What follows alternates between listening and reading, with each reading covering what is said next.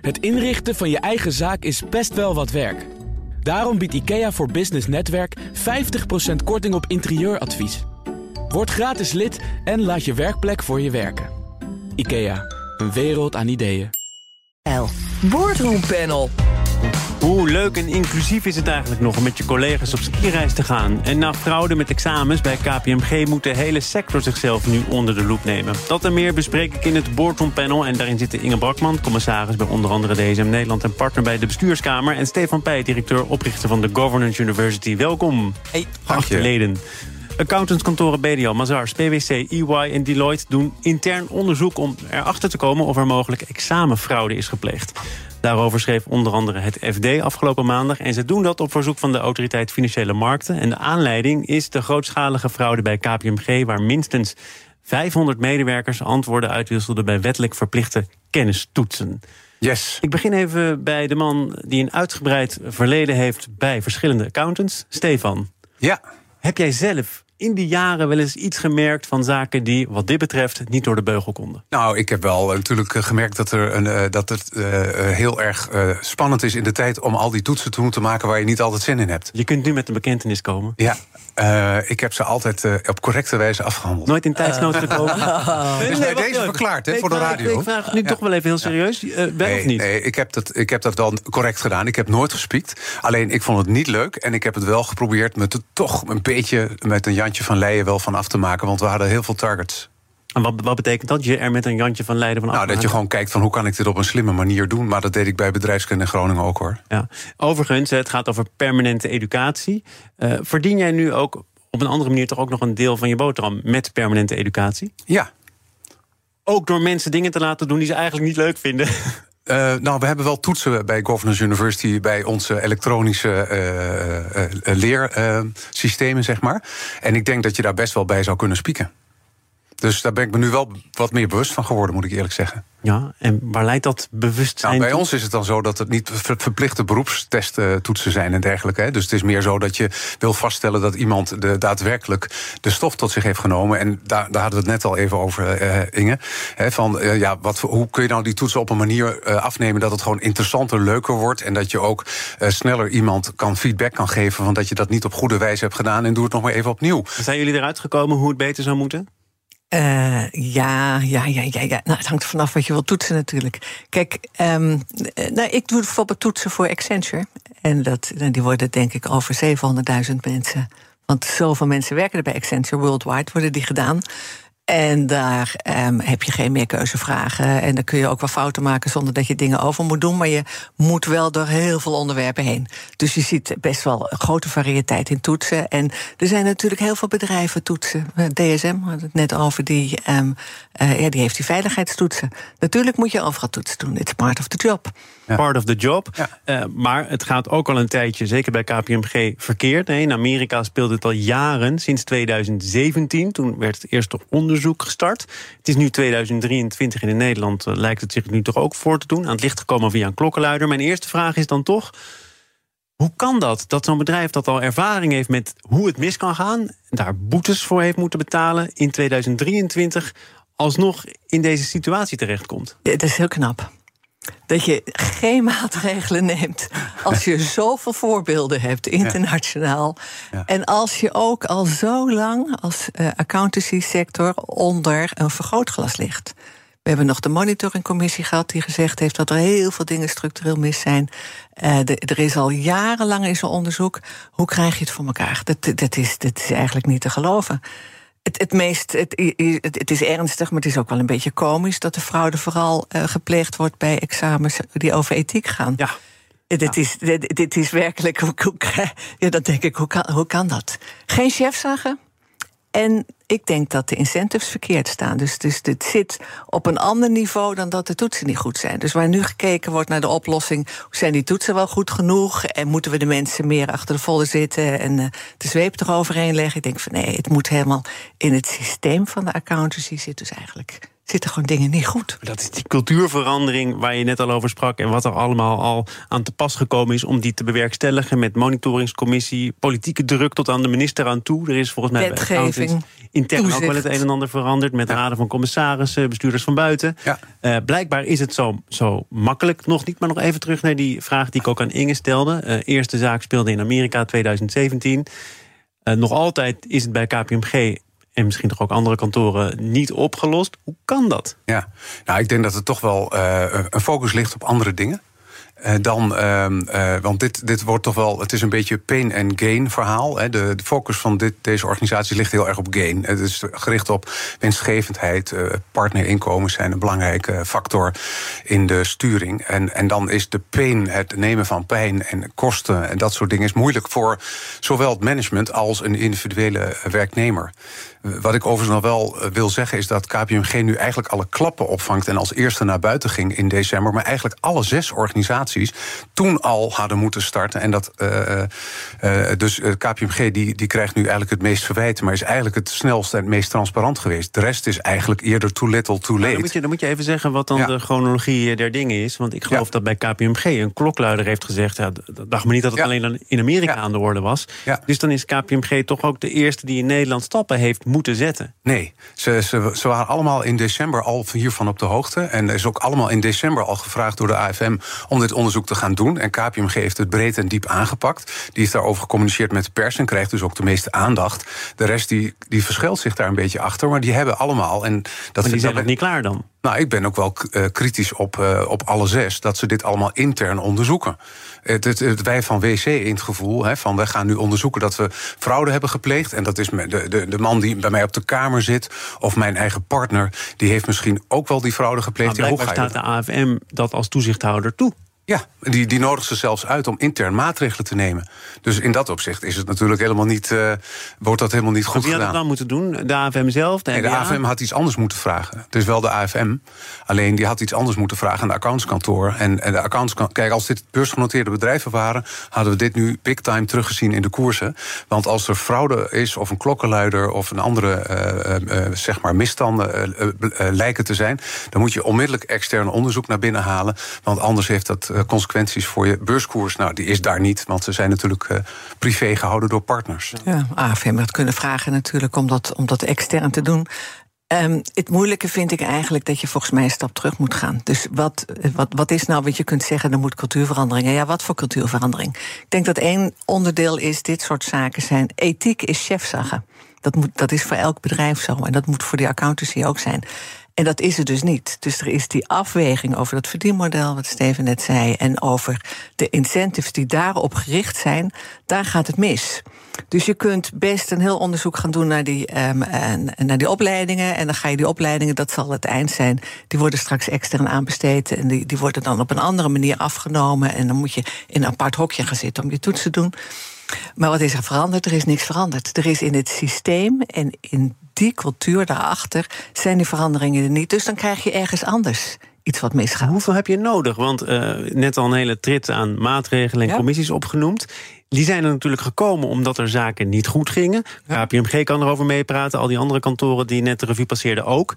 Dus die weten wat er gebeurt op het moment dat er daar fouten worden gemaakt. Als je onderdeel bent van een schandaal. Dan zou je toch bijna moeten uh, aannemen dat ethiek ja, per definitie chefzaggen is. Want als dat niet gebeurt en je komt nog een keertje in een schandaal... zoals KPMG ze heeft meegemaakt of EY ze heeft meegemaakt... ja, ja.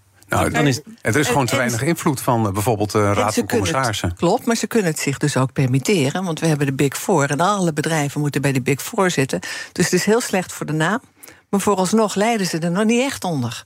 Want die, die, die opdrachten die gaan nog wel door. Dus er is geen, um, um, geen reactie eigenlijk in vermindering van opdrachten. Ja. Ik ben benieuwd of dat er van gaat komen. Ik denk het niet. Ik denk het ook niet. De andere kantoren ja. um, die, die zullen ook met dezelfde problemen hebben. Hebben we met de banken ook gezien, met witwassen. Ja. Eerst ving ING alle klap op... en daarna kwamen alle banken eroverheen... waarin het bleek dat het ook niet opgelost was. Dus je kunt er gevoeglijk van uitgaan... dat het in de hele branche speelt. Dus dat afstraffingsmodel komt niet uit de markt. Nou, dan moet hij uit de toezicht komen of uit wetgeving. Is door die monitoringcommissie destijds ook, um, um, ook gevraagd. Uh, en eigenlijk op aangedrongen. Of um, ja, je moet op een andere manier gaan kijken naar het vak. Wat toen geconstateerd was te veel aandacht voor comply en te weinig voor het eigen oordeelsvermogen. Nou, dan ga je dus helemaal terug naar de opleiding. Je gaat helemaal terug naar wat betekent accountancy. Waarom doe je het? Onder welke waarden? Je moet dus ik denk dat je dat hele vak opnieuw door moet en, gaan. En daarmee ook de organisatiemodellen. want we hebben het natuurlijk hier over vennootschappen... waar partners uh, vennoot van zijn... en die een incentive hebben in uh, hun inkomen. Heb je die ook zelf zo gevoeld? Ja, absoluut. partner? Ja, absoluut. Ja, ik vond dat het gesprekken wel erg veel gingen over de winst. En soms werd ik er ook wel een beetje onrustig van. Oh, je vond dat het te veel ging over de ja? Ja, ja, want uh, ik werd er wel een beetje onrustig van. Want soms zaten, zaten wij een hele middag bij elkaar daarover te praten. Terwijl ik denk, ja, ik wil het liever over strategie hebben. Maar ja, je hebt in Nederland bij een Big Four heb je meer dan 200 partners. Dus ja. Uh, Wie ben jij dan nog? Wie, ja, zo voelt het wel. Uh, nog heel even naar. Nou, nou, weg met het partnermodel. Nou ja, dat, dat zeg ik eigenlijk. En misschien moet je, als je echt ver gaat, moet het een stichting zijn. Ja, kijk. En moet je je voorstellen, nou, als je vanuit daar gaat denken. Ja, en dan de maatschappelijke waarde. Nou, dan, dan, dan komen we ergens, denk ik. Zouden die partners dat zelf ook een goed idee vinden? Ik denk het niet. maar dat is, uh, dat is een kwestie van tijd. Er moeten, natuurlijk heel veel dingen in deze. We, zitten natuurlijk in een, in een hele ander soort van samenleving. waarin er heel veel businessmodellen eigenlijk om moeten. Dus dan kunnen we deze misschien wel als eerste aanpakken. Vind ik wel een goed idee. Uh, nog heel even iets kleiner naar de, de fraude. Hè. 500 mensen worden dan binnen KPMG genoemd. Een deel van hen heeft een setje antwoorden gekregen. En niet duidelijk is of ze daar ook echt gebruik van hebben gemaakt. Maar formeel hadden ze daar melding van moeten doen. Is dat nou zo laakbaar of niet? Nou, ik vind. Uh, um, uh, eerder deze week mocht ik er wat over, zeggen bij een collega van jou. En toen zei ik, en dat vind ik eigenlijk nog steeds van. Ik heb misschien wel uh, meer pity voor de mensen die de fraude hebben gepleegd. dan voor degene die hen zo onder druk hebben gezet. En dan kom je dus wel weer op die cultuur. Dus de mensen worden wel heel erg onder druk gezet. Dat zag je destijds ook bij die handtekeningenaffaire van ING. Hè, dat ze de UBO-handtekeningen moesten hebben en zo onder druk werden gezet door hun bazen. Maar het bijzondere hiervan is, en dat is het grote verschil met die ING-case, dat ze door de hele organisatie van het laagste in de hiërarchie tot en met de Raad van Commissarissen, dat dit consequenties heeft. En dat is best wel. Oh ja, we hebben Roger van Bokstel nog niet genoemd. Ja. Omissie. Uh, die kwam in tijdsnood, hè? Die heeft toen een collega gevraagd om een toets af te maken. Een vrijwillige toets, ook nog zo interessant. Ja. Dus je doet een vrijwillige toets, eh, maar dan maak je hem niet zelf. Time squeeze. maar waarom doe je dan een vrijwillige toets? nou, ik vind wel uh, sterk dat hij meteen consequenties neemt. Want daarmee ja. laat hij natuurlijk naar de organisatie toe zien dat dit een serieuze kwestie Uit is. Uit reinheid stapt hij nu op. Ja. Ik dus, uh, maar ja, wat is er nou sterk? Uh, dan toch nog even de vraag van, uh, of de constatering van Inge afmaken aan het afleggen van een vrijwillige toets. die je niet zelf ja. aflegt. Ja, je kunt zeggen een beetje lullig. Nou, je was net wat strenger. Nee, maar net dat... moest het hele partnermodel op de schop en moest er een stichting van maken. En, en Roger van Bokstel, ja, een beetje lullig. Ja, nee, ik vind het dus een beetje lullig dat je met een vrijwillige toets uh, eigenlijk struikelt.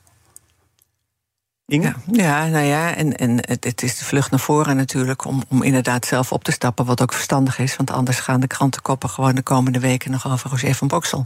Dus zo, zo werkt het uh, ook. Dus in die zin is het altijd weer goed dat er journalisten zijn. Dat, is, dat vind ik altijd weer fijn om even te benadrukken. dat er toch zaken. Ga er vooral mee door. Ja. Dat er toch zaken weer ja, wat scherper worden. Want als het intern gebeurt, dan wordt het intern opgelost, wordt er gezegd. En uiteindelijk wordt het niet opgelost. Ja. We gaan naar uh, deel 2 van dit panel. BNR Nieuwsradio. Zaken doen. Thomas van Zeil.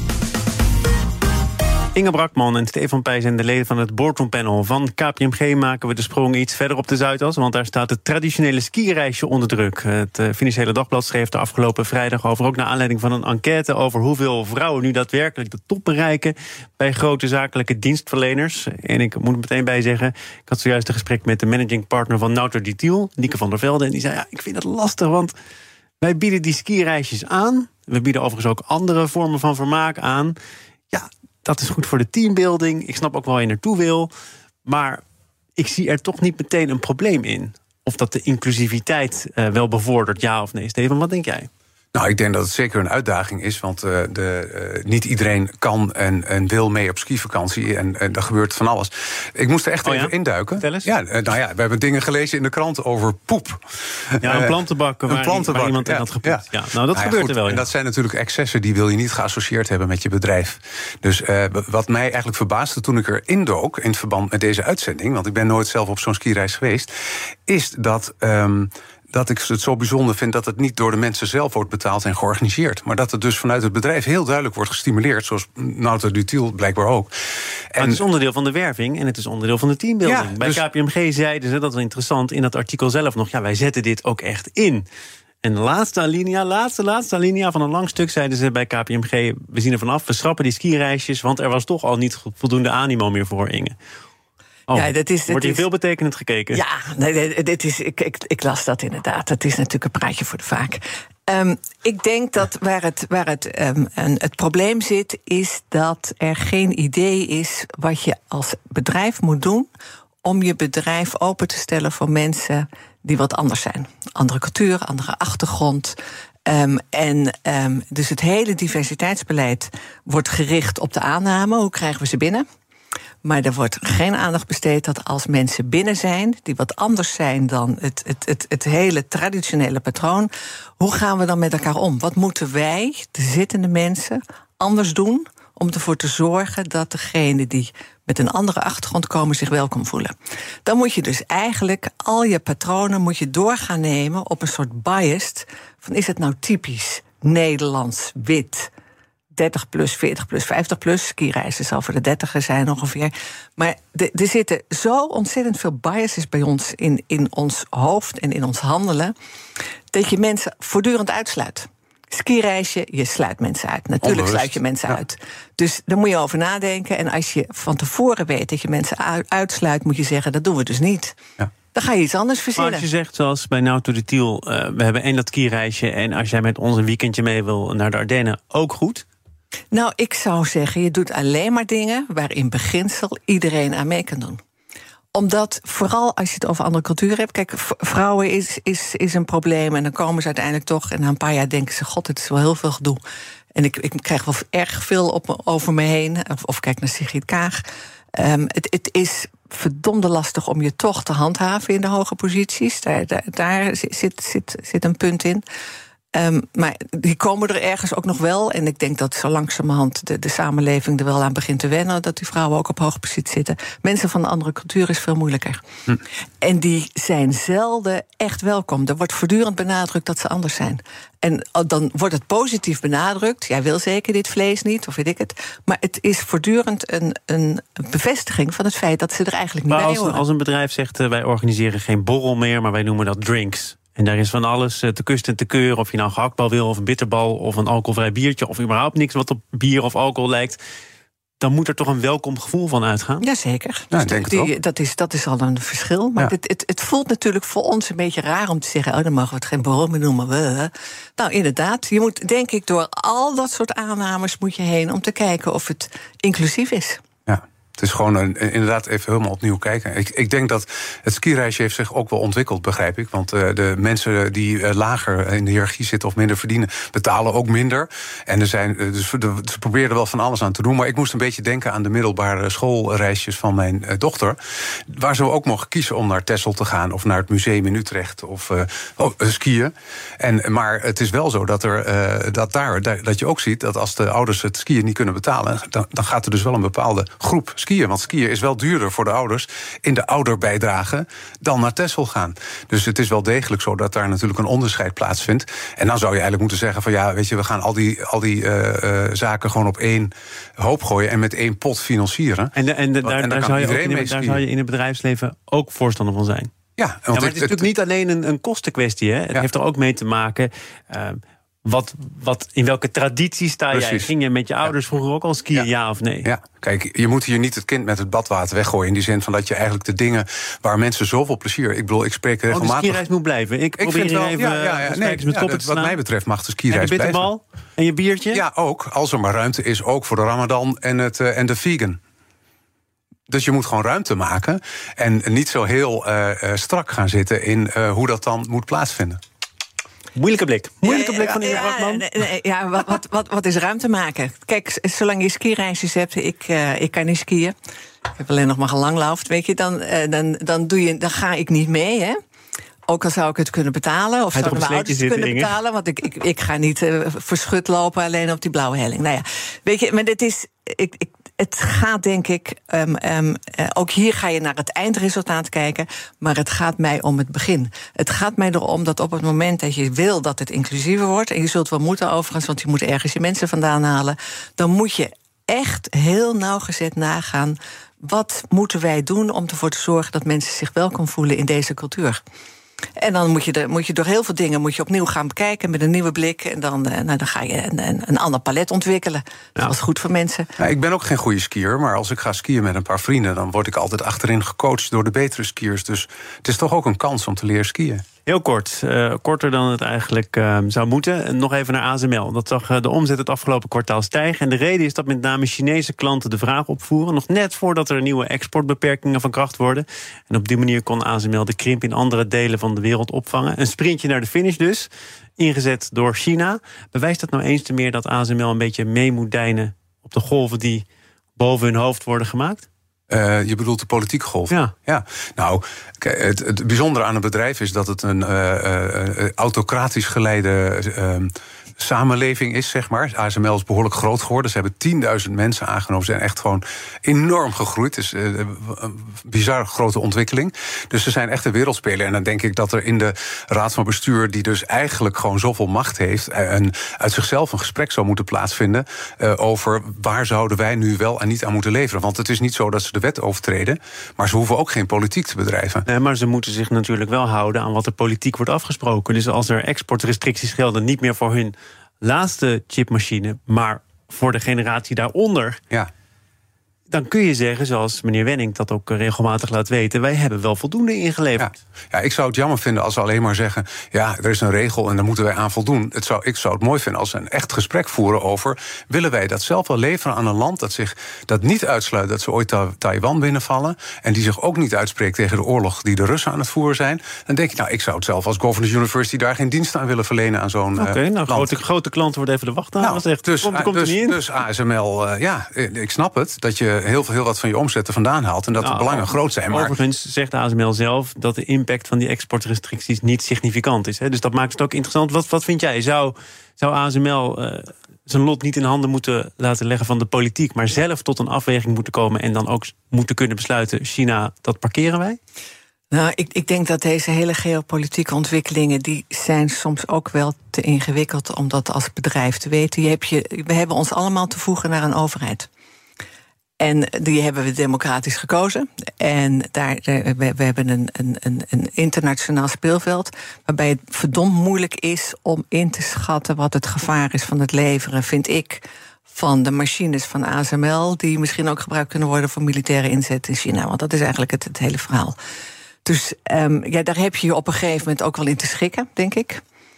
En, um, uh, en, en je krijgt een enorme discussie. Want misschien zeggen zij wel: je kunt ze helemaal niet gebruiken voor, uh, voor defensiedoeleinden of voor aanvalsdoeleinden. Maar iemand anders gaat het doen. Als wij het niet doen, dan wordt het wel op een andere manier geleverd richting China. Ja, nou ja, het, ik, ik, ik kan me voorstellen dat in de geopolitieke verhoudingen die we nu hebben. Want bij, bij uh, Rusland hebben we hele duidelijke sancties. Dus daar houden we ons ook allemaal aan. Weet je, het gaat wel over oorlog. Het gaat over stabiliteit in de wereld. Dus dat daar een overheid is die op een gegeven moment um, daar ook wat over te zeggen heeft, dat is zo. Ja, en ASML doet het zelf niet. Dus ja, dan moet je misschien iets meer gaan afdwingen. Het enige waar ik me aan moet houden, dat is de klok. Ai. En dat is alweer niet gelukt. Eh. Inge Brakman, commissaris van onder andere DSM Nederland... en partner bij de bestuurskamer. Dank voor je komst. Dank je. Stefan Pij, we spreken elkaar voordat accountants stichtingen zijn geworden, denk ik. Directeur en oprichter van de Governance University. Dank voor vandaag. Dit panel is ook te beluisteren als podcast. Abonneer je vooral even via je favoriete kanaal of de BNR-app. Zometeen gaat het over medische massaclaims, massaschadeclaims om precies te zijn. Blijf dus luisteren. Een kleine update maakt een wereld van verschil. Daarom biedt IKEA voor Business Netwerk gratis snelle interieurtips en ideeën. Word gratis lid en laat je werkplek voor je werken. IKEA, een wereld aan ideeën.